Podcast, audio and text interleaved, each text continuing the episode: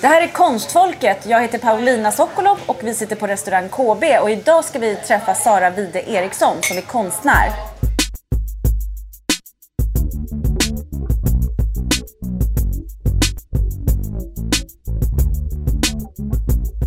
Ja, alltså välkomna hit till Konstpodden och särskilt eh, välkommen till dig Sara Vide Eriksson. Du är den enda som eh, inte äter här just nu. Mm. För att eh, jag hade tänkt faktiskt, det har vi aldrig pratat om, men vi brukar ju liksom dricka lite grann, lite grann. Och vi brukar äta lite grann när vi, Vi är brukar på KB. alltid äta räkmacka. Vi brukar, och vi, men vi har aldrig nämnt hur gott det är. Nej, det Eh, det är idag var det verkligen otroligt gott. Vi kunde knappt börja eh, prata för att du skulle prata om potatisen. Ja, det, det är, jag har aldrig, aldrig lyckats koka Nej, potatis. Och jag vill gärna att någon lär mig koka potatis. Och då kanske jag får gå på kurs här på KB. Mamma. Eller hos Lills mamma. Ja, men eh, om du kan tugga klart Jonas så kanske vi skulle kunna sätta igång eh, vårt möte. Med, det är första gången vi träffar en konstnär på Konstpodden, är inte det? Ja, bravo! Vi, vi jobbar med konst, vi lever på konst, vi betalar våran hyra för konst. Men det är faktiskt första gången vi, vi pratar med en konstnär. Får ni fråga någon gång om ni, om ni är konstnärer? Eh, ja, Vi- alltid. Ja, Jag främmande män på tunnelbanan. från Paulina. Jag får frågan jätteofta, till och med fast jag inte har galleri längst. Frågan om många är bara att jag, att jag jobbar med konst. Då utgår folk från att jag är konstnär i grunden. Det kan vi rätta till om det känns jobbigt. Eller så kan vi öka det. Ja. Eh, ja, men eh, det är lite, det är liksom både fint att vara konstnär, eh, men det är också eh, det som man liksom förknippar konsten med. Men det är väldigt liksom, konstnären kommer in eh, i, lite i skymundan när det gäller Men, men nu, nu, nu, innan, innan eh, Sara ens en gång har fått en sil i vädret så Nej, vill jag säga... varför? Nej men jag, för att jag vill det. För att jag säger så här, ni har inte träffat Sara förut, men det har faktiskt jag. Och du kommer ihåg det Mhm. när du kom. För att jag kommer inte ihåg hur. Jag höll på att säga så här, det var en, innan internet, men det kan det ju inte ha varit. Men jag vet att jag såg en bild som du hade gjort när du gick på Konsthögskolan. Och då hade jag galleri med Angelica Knäpper och jag bara skrek och sa det här gillar jag jättemycket. Vi måste kontakta henne. Och du var så himla eh, härlig. Som, det var innan, det var, mell, det var, det var inte, du hade inte ens gång haft din eh, avgångsutställning. Utan vi kom och rotade och pratade med dig inne i din eh, ateljé på Konsthögskolan. Jag kommer ihåg att jag gillade dina saker direkt. Så jag har faktiskt träffat Sara förut och sett, har verkligen följt dig. Eh, vad du har, hur du har jobbat. Jättefint. Och så ses vi igen nu. Det var väldigt roligt. Jag Ja. kommer ihåg det här tillfället. Ja, vad kul. Sara, hur gammal är du? Eh, 33 tror jag. 33. Det är faktiskt väldigt ungt. Kan du, eh, vi har varit och tittat på din utställning, eh, men kan inte du berätta lite om din konst så att lyssnarna som kanske inte känner till dig, eh, de kommer ju googla dig såklart, men det är ändå jättekul att höra dig prata om din konst. Ja jag målar ju. Ehm, och eh, det är väl eh, tar ju avstamp i mycket saker som är personligt för mig men också väldigt allmängiltigt. Så jag tänker att det är väl ett sätt som man lätt kan kommunicera. För mig, alltså för att jag har uppenbarligen talsvårigheter ofta. Men och det är ett sätt att liksom dela undermedvetna på. Hur kom du in på, på måleriet eller konstnärstankarna? Ehm, Ehm, min mamma var intresserad av konst när jag var liten och ville så här, pushade mig liksom, eller liksom, inte pushade men var så här, uppmuntrade mig när jag drog mig undan för att teckna och sånt där. Det var liksom ganska stökigt hemma hos oss så det blev alltid en sån, en sån ventil för mig att kunna liksom dra mig undan och, och jobba på. Så istället för att säga så här, "Åh, le- gå ut och lek med de andra barnen och vara lite normal och umgås, så uppmuntrade din mamma dig att Ja, lite grann. Att liksom hålla dig ja, för dig själv, eller, ja. massa, eller vanlig uppmuntran. Det var Ja. ingen, ingen mer märkvärdigare än det. Men, men, eh, Vad tecknade du då? Minns du? Har du kvar teckningarna från den tiden? Mm, nej, men det var nog lite olika, men jag gick in i ganska så här, stora projektperioder redan då. Jag lärde, så här, nördade in mig i så här, egyptisk konst och tecknade av så här, egyptiska skulpturer och sånt där under flera år och lärde mig alla hieroglyfer och sånt där. Och tecknade dem och skrev, liksom, gjorde så här, stora planscher med så här, sexistiska faraoner som liksom satt så här och liksom såg så sexiga ut med, med så här palmblad som viftades och sådär. Alltså medan andra så här dyrkade typ så här Justin Bieber, typ så, här, så var det dina manliga idoler? Nej men ja, och sen men det var väl liksom ett historiskt intresse så. Och i, sen så var det väl andra, jag kommer oh, kom ihåg särskilt så några teckningar sen när jag hade vaknade mitt i natten och inte kunde somna om och liksom ställde upp en spegel och gjorde som ett så här naket självporträtt på en så här liksom knubbig tonåring. Ja. Gud vad modigt! Och så det var ju givetvis inte meningen att man skulle se dem. Men sen så, givetvis så hittade min morsa och bara såhär Åh gud vad fint! Och drog upp så här och man bara såhär, vill ju dö. Det var ju liksom det sista man ville att någon skulle se. Jag har lämnat in den till vårsalongen. Åh gud, vad fint! Nej. Ja, men vad hände med den då? Nej, jag tror jag har kvar den. Men jag vet inte vart den är. Den är väl någonstans. Men och sen då? Mm, na, ja, jo, och sen så vill jag bli illustratör. Eller liksom jobba med illustrera böcker och sådär. Och min mamma sa såhär, "Nej, men du kan ju bli konstnär Sara, det skulle du passa jättebra som och du, med det du gör. Och då, Vilken bra mamma! ja, nej. Ja, i alla fall. Och då, och då sa jag, aldrig i livet jag skulle dö om jag gör bara det. Och särskilt inte om du vill det. Eh, och då så sökte jag in på Idun Löfven för att lära mig att teckna. Vart eh, sökte du? Idun Löfven, som Idun är så här ja. förberedande för att jag Ja. vill bli illustratör. Och då hade, vi, hade jag en skitbra lärare där som var så här, hon bara sågade mig ner vid fotknölarna och bara såhär Du vill inte göra någon annans bilder, måla dina egna. Oj. Visste du vad som var dina egna bilder då? Nej men då började jag väl undersöka det. Och, hade du någon metod för att hitta det? Ja, jag vet inte. Det är väl bara stänga av de yttre kanalerna, liksom, alltså att man granskar sig själv och bara jobba på. mentala spegeln kanske. Ja, Men vad precis, blev det då när du liksom började hitta någonting som var du? Vad det blev just då vet jag inte. Men man, jag vet inte, man får börja gräva där man står oftast. Alltså, så jag började jobba mycket med Hälsingland. Jag gjorde så här... ehm, jag gjorde en jättebra målning som med en kille så här i folkdräkt med så här bula som lutar sig mot en så rosa sportbil som står så här uppkörd på en leråker. Och den, den gjorde du på Idun Löfven? Ja. ja. Och så gjorde jag flera sådana Vad sa målningar. fröken då? Va? Vad sa fröken då? Eh, nej, men vi, hade, vi hade en sån här, för jag målade mycket folkdräkter då, för jag förstod väl att det liksom kunde anses som liksom lite exotiskt på något sätt och tyckte att det var spännande eftersom det inte var så himla exotiskt. Men från faraoner till folkdräkter? Ja precis, och det, så fanns det ett sånt intresse också såklart. Eh, Och då hade vi som en uppgift som var så här, ah, nu ska jag så här alter e-, ni ska presentera ett alter ego och liksom så här, och presentera alter egots konst liksom. Så det var en uppgift så. Eh, Och då så gick jag upp och så hade jag, skulle jag göra det då. Och då sa jag så här, ah, ni har ju märkt att jag har målat så mycket folkdräkter och sådär nu. Eh, Men det är jag måste bara berätta en grej och det var så att min mamma tvingade mig att ha folkdräkt tills jag var 16 år. Och jag fick inte ha några andra kläder alls. Och jag cyklade så till skolan i vadmalsklänningen och så drog av på mig en Musse Pigg-tröja när ingen såg och så här. Eh, Och så berättade jag om då ett minne om hur jag fick komma till H&M och så köpa mina första riktiga kläder.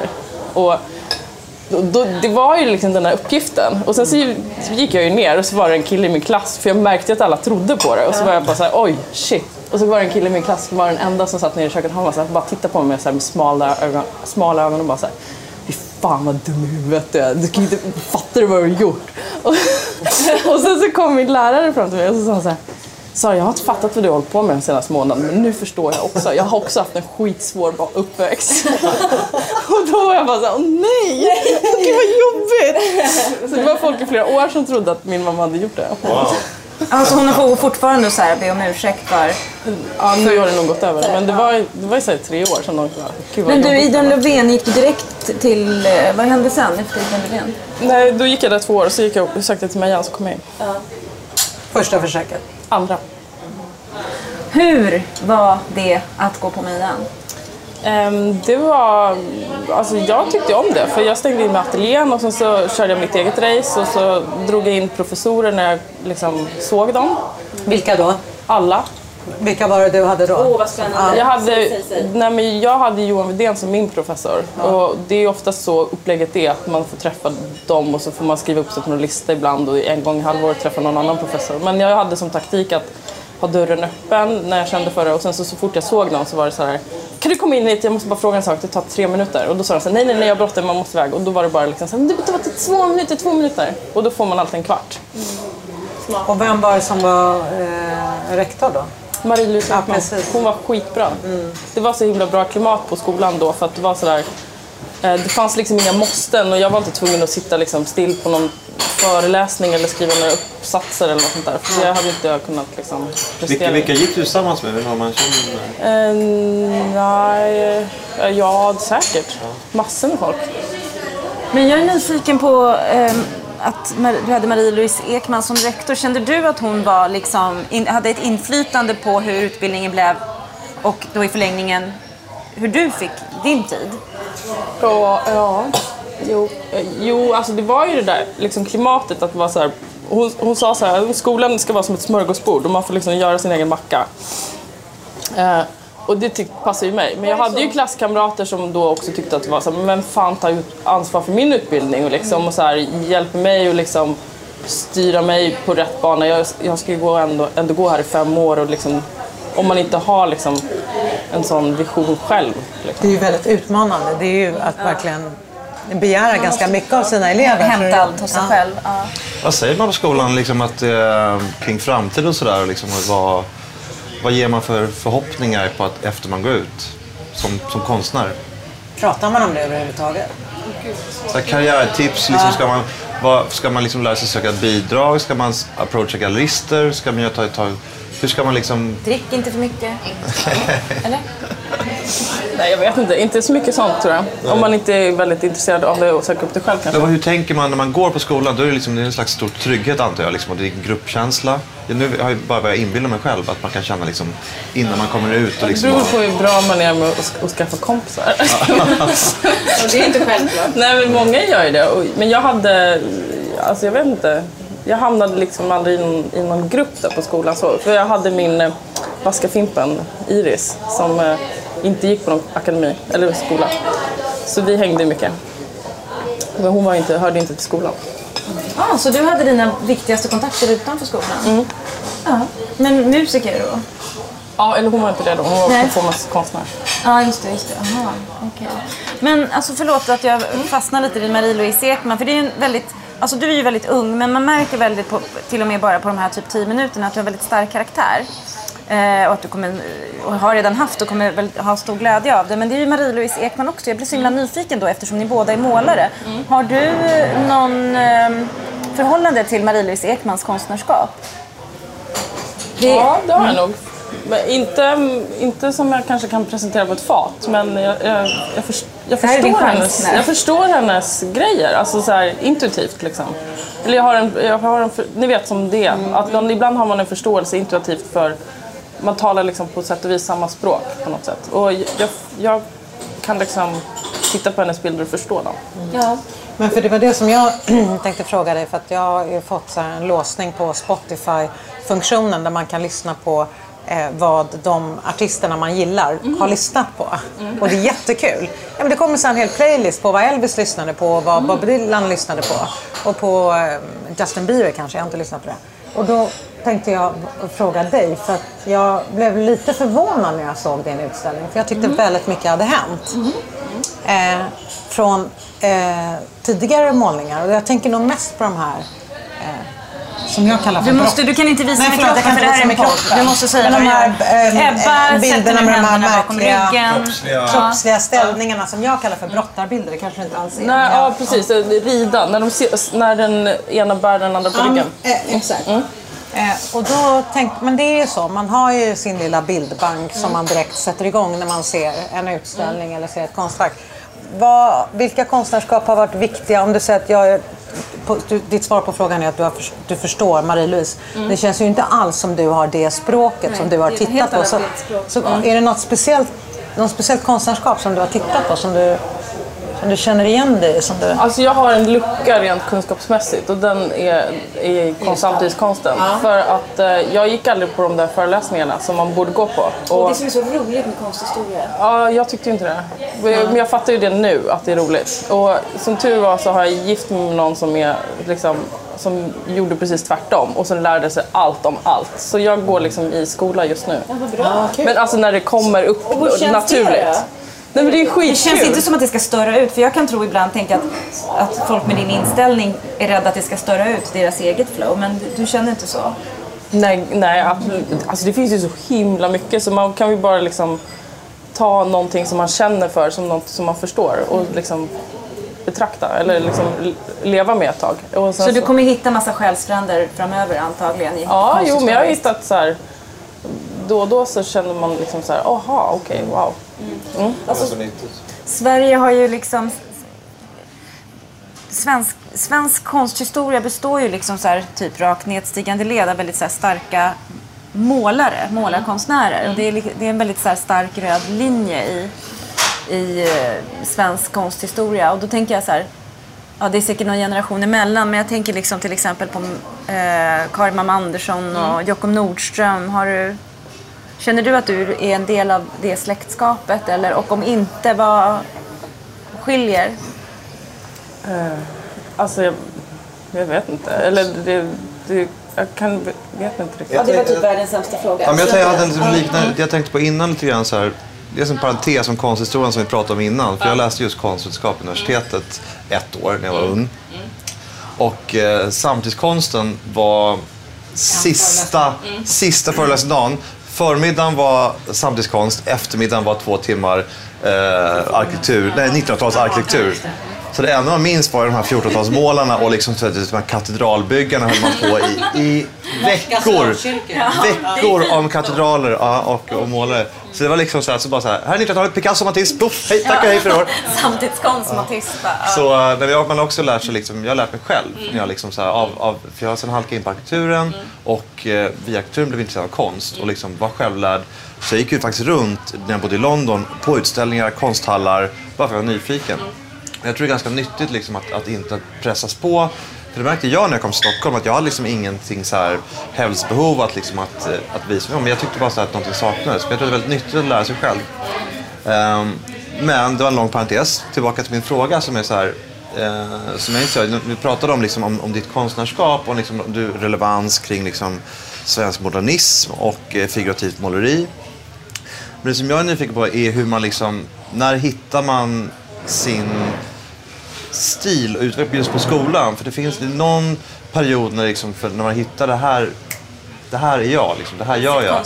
Och liksom, hur, var det spretigt eller gick det ganska liksom direkt till dig att veta vilken typ av måleri, att du skulle liksom, det här är min genre, det här är, mitt, det här är min färgskala.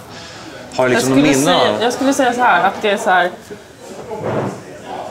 Det är inte en medveten process för det handlar om i, i, i grund och botten så handlar det om att, så här, att du Säg att du har något in, inuti dig som du behöver skriva ner på ett papper. Och så räcker jag fram ett papper och en penna till dig. Och sen så är det upp till dig att skriva det. Och så är det så här, din handstil är din handstil. Alltså, det är klart du kan liksom försöka förvränga den och liksom skriva som en så här tonåring med så här bulliga bokstäver. Eller du kan skriva, försöka skriva som en gammal tant. Så här. Alltså, jag menar, men det blir ändå bara en, så här, en, att du försöker härma olika liksom, stilar. Men jag menar, och, och när du bara slappnar av och inte, och inte tänker på hur du försöker skriva, då, där har du det. Men det låter ju fantastiskt. Men har alla så, så lätt tror du? Eller jag, Nej, jag, alltså jag vet inte. Jag har försökt härma skrivstilar jättemycket. Jag höll på så när jag var så här 16 och ville bli illustratör så satt jag och ritade av Elsa Beskows alla illustrationer. Alltså genom hela böckerna och gjorde egna liksom, copycats av de som inte går att skilja från originalet. Det var liksom helt så supernördigt. Och jag har haft massor med sådana perioder i livet när jag liksom har försökt skriva med andras handstilar. Eh, Men sen så till exempel när det började, när jag började göra den där som när du var i ateljén. eh, Med She-Wolf. Och Just det. Mm. Precis. som där jag målade de här liksom, relationerna som jag hade under ett år. Mm. Och då blev liksom plötsligt det jag skrev på pappret så himla mycket mer viktigt än hur det liksom såg ut. Ja, och då, ja, och då, då liksom glömde jag bort det. Och då, ja. det, och det var det enda sättet jag kunde visa det på. Men visst var det så att du fick gallerist ganska omgående efter du gick ut i Magnus Carlsson?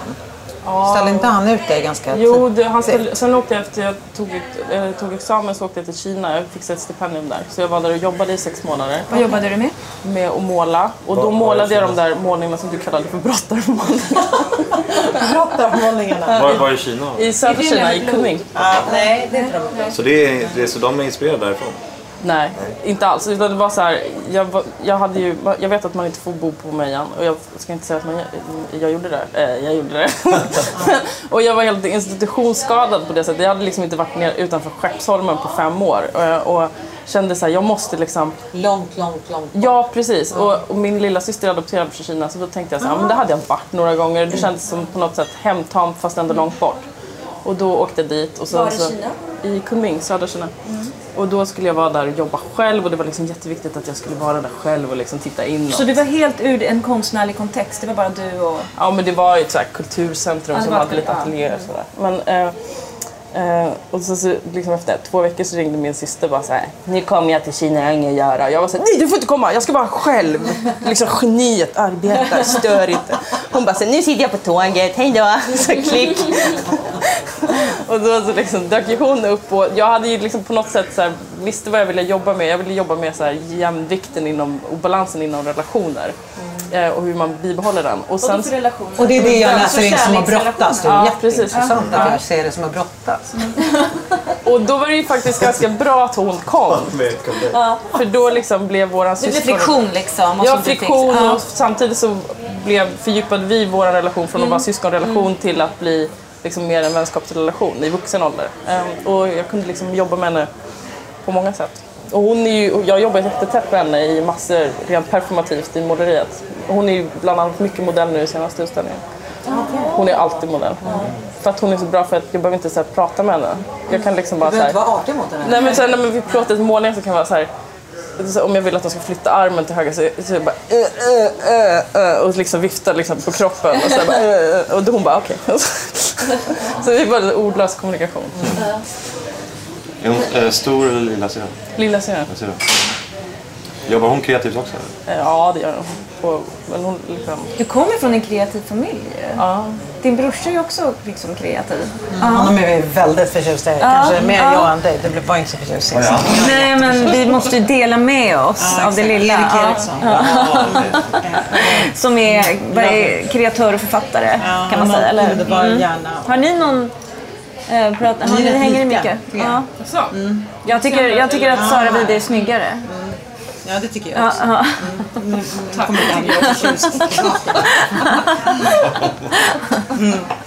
Ja, men din senaste utställning då som jag och eh, Ebba liksom tittade på precis i sista sekund. Kan inte du berätta lite om det? Det är inte din första utställning hos Magnus Carlsson. Nej det är, min, ja, det är min tredje stora och min fjärde om man räknar med en liten i inre rummet. Vad är det som, vad är, kan man, hur kan man liksom beskriva din senaste utställning i din konst? Eh, Den har liksom, det har blivit tydligt för mig hur viktigt liksom det performativa arbetet är i min process. När du menar performativa, du, vet, du menar det som föregår måleriet och vad som är... Ja. Och liksom för, för, jag plåtar ju så här förlaget till mina målningar och jag tar liksom, jag stagear dem perfekt, jag letar upp platsen, jag liksom väntar på rätta ljuset, jag kan vänta i månader. Jag kan liksom bo på plats tills jag liksom tycker att jag känner den och ibland förkastar jag det då om jag inte känner att det är rätt och jag letar ett, efter precis rätt tyger och liksom så här en undermedveten känsla eller stämning som jag vill komma åt som jag inte har liksom ett ord Du är för. perfektionist med andra ord. Ja, det kan man säga att man är. Jag är. Och, eh, och så, så tar jag den där bilden, eller 3000 bilder, och sen så väljer jag ut den. Liksom. Eller ibland får man liksom ta om det och sådär. Men, men eh, eh, förlåt, nu kommer jag av. Ja, Eh, de ville duka av här, men det gör ingenting. Det är sånt som händer. ja, ja, gud, ja. Jo, men eh, jag kan... eh, Men eftersom, eftersom eh, vi inte har bild här utan det är Ja. bara ljud så för lyssnarna som inte har sett utställningen. Så jag kan inte hjälpa er, det är så patetiskt. Men när jag kommer in i en sån utställning och i andra som har samma, eh, samma tema på något sätt, det är kanske fel att säga, men då tänker jag bara så här, underbara kvinnor vid vatten. Det var ju någon bok man läste, jag har glömt vem som skrev den. Men det, är något, det var något fantastiskt vackert ljus i det här och en vattenspeglingar med kvinnor som jag bara kände så vad är det här temat? tema. Ja, vad är det här för precis, tema? För det, är, ju- det är du ju inte först med, Nej. med kvinnor och vatten. Det är ju liksom ett... Men det är någonting väldigt Det- underbart väldigt, med kvinnor och vatten. Ja, vad, vad är det egentligen? Men det kanske inte du vet? Eh, nej, alltså, jag menar, det, var ju, inte- det var ju inte en kvinna vid vattnet utan det var ju någon som höll på att dränka någonting i vatten. Och det var ju... Eh, men visst, jag förstår att man kan tänka på det på det sättet. Men för mig är det främmande såklart. Men vad är det som dränks vid, Ehm, vatten? Det är vissa eh, speciella kläder som jag har samlat på mig och stulit från liksom, eh, närstående. Majan, nej. Nej. Nej, men de är, är av vikt, vikt för mig personligt och privat och har tillhört vissa speciella människor och har tillskansats på olika sätt. Så de är Eh, liksom För det känns väldigt kärleksfullt det här. Tycker Ja. jag. Ja. Så när du säger dränkt så det kände jag inte Men alls. Jag tänkte så här, jag hade en, en vision om att jag ville se dem ligga på botten. Eh, på, på, och det här är ett speciellt eh, ställe i, i Voxnan som rinner genom skogen uppe i Hälsingland. Eh, där är så här, Sveriges björntätaste område och det är liksom väldigt rufft, så här, deliverance-stämning. Eh, och, Men flyter de inte upp? Vi kanske ska beskriva det- också bilden här som är, som är, om, man, om man lyssnar. Det är, jag, man skulle beskriva som kanske, tycker jag, väldigt personligt, figurativt, lite skandinaviskt måleri på något Mycket sätt. natur Och, ja, och mycket natur och liksom där, där ljuset igen ska man säga. Och de här bilder vi pratar om så är det målningar av eh, tygstycken eh, tydliga i väldigt klara färger. Och en kvinna. Och en kvinna vid vattnet. Men eh, vi har bara en liten kort stund kvar här. Men jag är ändå nyfiken på dig, Sara. Eh, nu har du ändå, trots att du är så ung, så har du varit liksom en del av konstmarknaden. Har du en uppfattning om vad, vad relation till vad, vad är konstmarknaden? Är det bra, eller dåligt för, för konstnärer? om jag har eh, en uppfattning eller om jag Ja. har en bra relation till det, eller vad menar du? Om, kan- Vad du tänker om det? Jag tror vi kan omformulera om vi säger så här. gärna. Ehm, jag är jättedålig på formuleringar. Där. Just, alltså, f- jag vet försäljning, liksom, det kan vara ganska, för konstnärer kanske, det är därför man har en gallerist som kan hjälpa. Liksom. Man vill ju gärna, man vill ju kunna, alla vill kunna leva på liksom, sin passion, på det man gör tror jag. Ehm, och gallerist är väldigt bra på att liksom, som manager ta hand om kanske. Men samtidigt är den här pengagrejen väl kanske ganska kluven om liksom, vad, varför betalar folk för ett verk? Och, eh, och hur, hur, känner, hur känner du när du tänker liksom, nu vet jag att den där personen, han har mitt verk hemma hos sig. Jag tycker att eh, jag, min kompis Iris, som är performancekonstnär, jag tycker hon gjorde ett så himla bra verk. Nu kan jag inte citera det helt och hållet, men det handlar om så här, Eat another man's soul. Eh, och att... Eh, jag menar, när man gör ett verk så är det en så himla stor del av en, av en, av en själv. Alltså det är en del av ens själ. Och mm, när man inte kan liksom jag menar, fett, sex och socker kan ju dämpa sådana saker. Men, och jag menar, alla har vi de liksom, utrymmena i liksom, sin egen själ som man gärna fyller med, andra, alltså, med influenser utifrån. Eller med konst till exempel.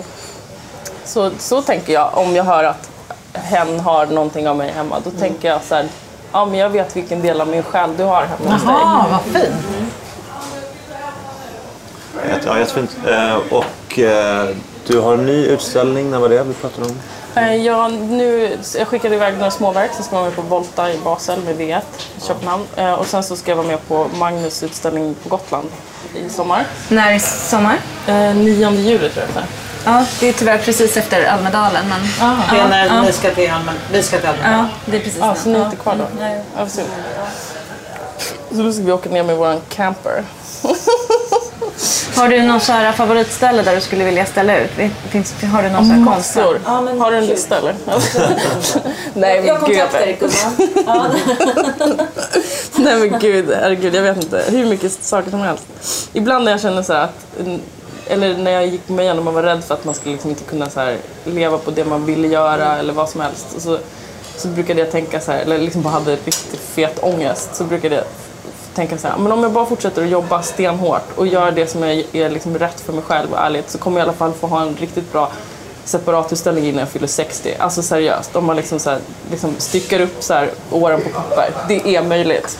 Alltså Sara, det här var den bästa avslutningen på ett poddavsnitt någonsin. Alltså verkligen, verkligen. Stort tack Sara. Tack så jättemycket. Ja. Kul att träffa er. Ja, jättekul. Skål. Och det här var Konstfolket. Nästa avsnitt hör ni någon gång i mitten av juni. Jag kan inte säga exakt. Och vi har alltså suttit här på KB och ätit väldigt god mat. Vi hörs.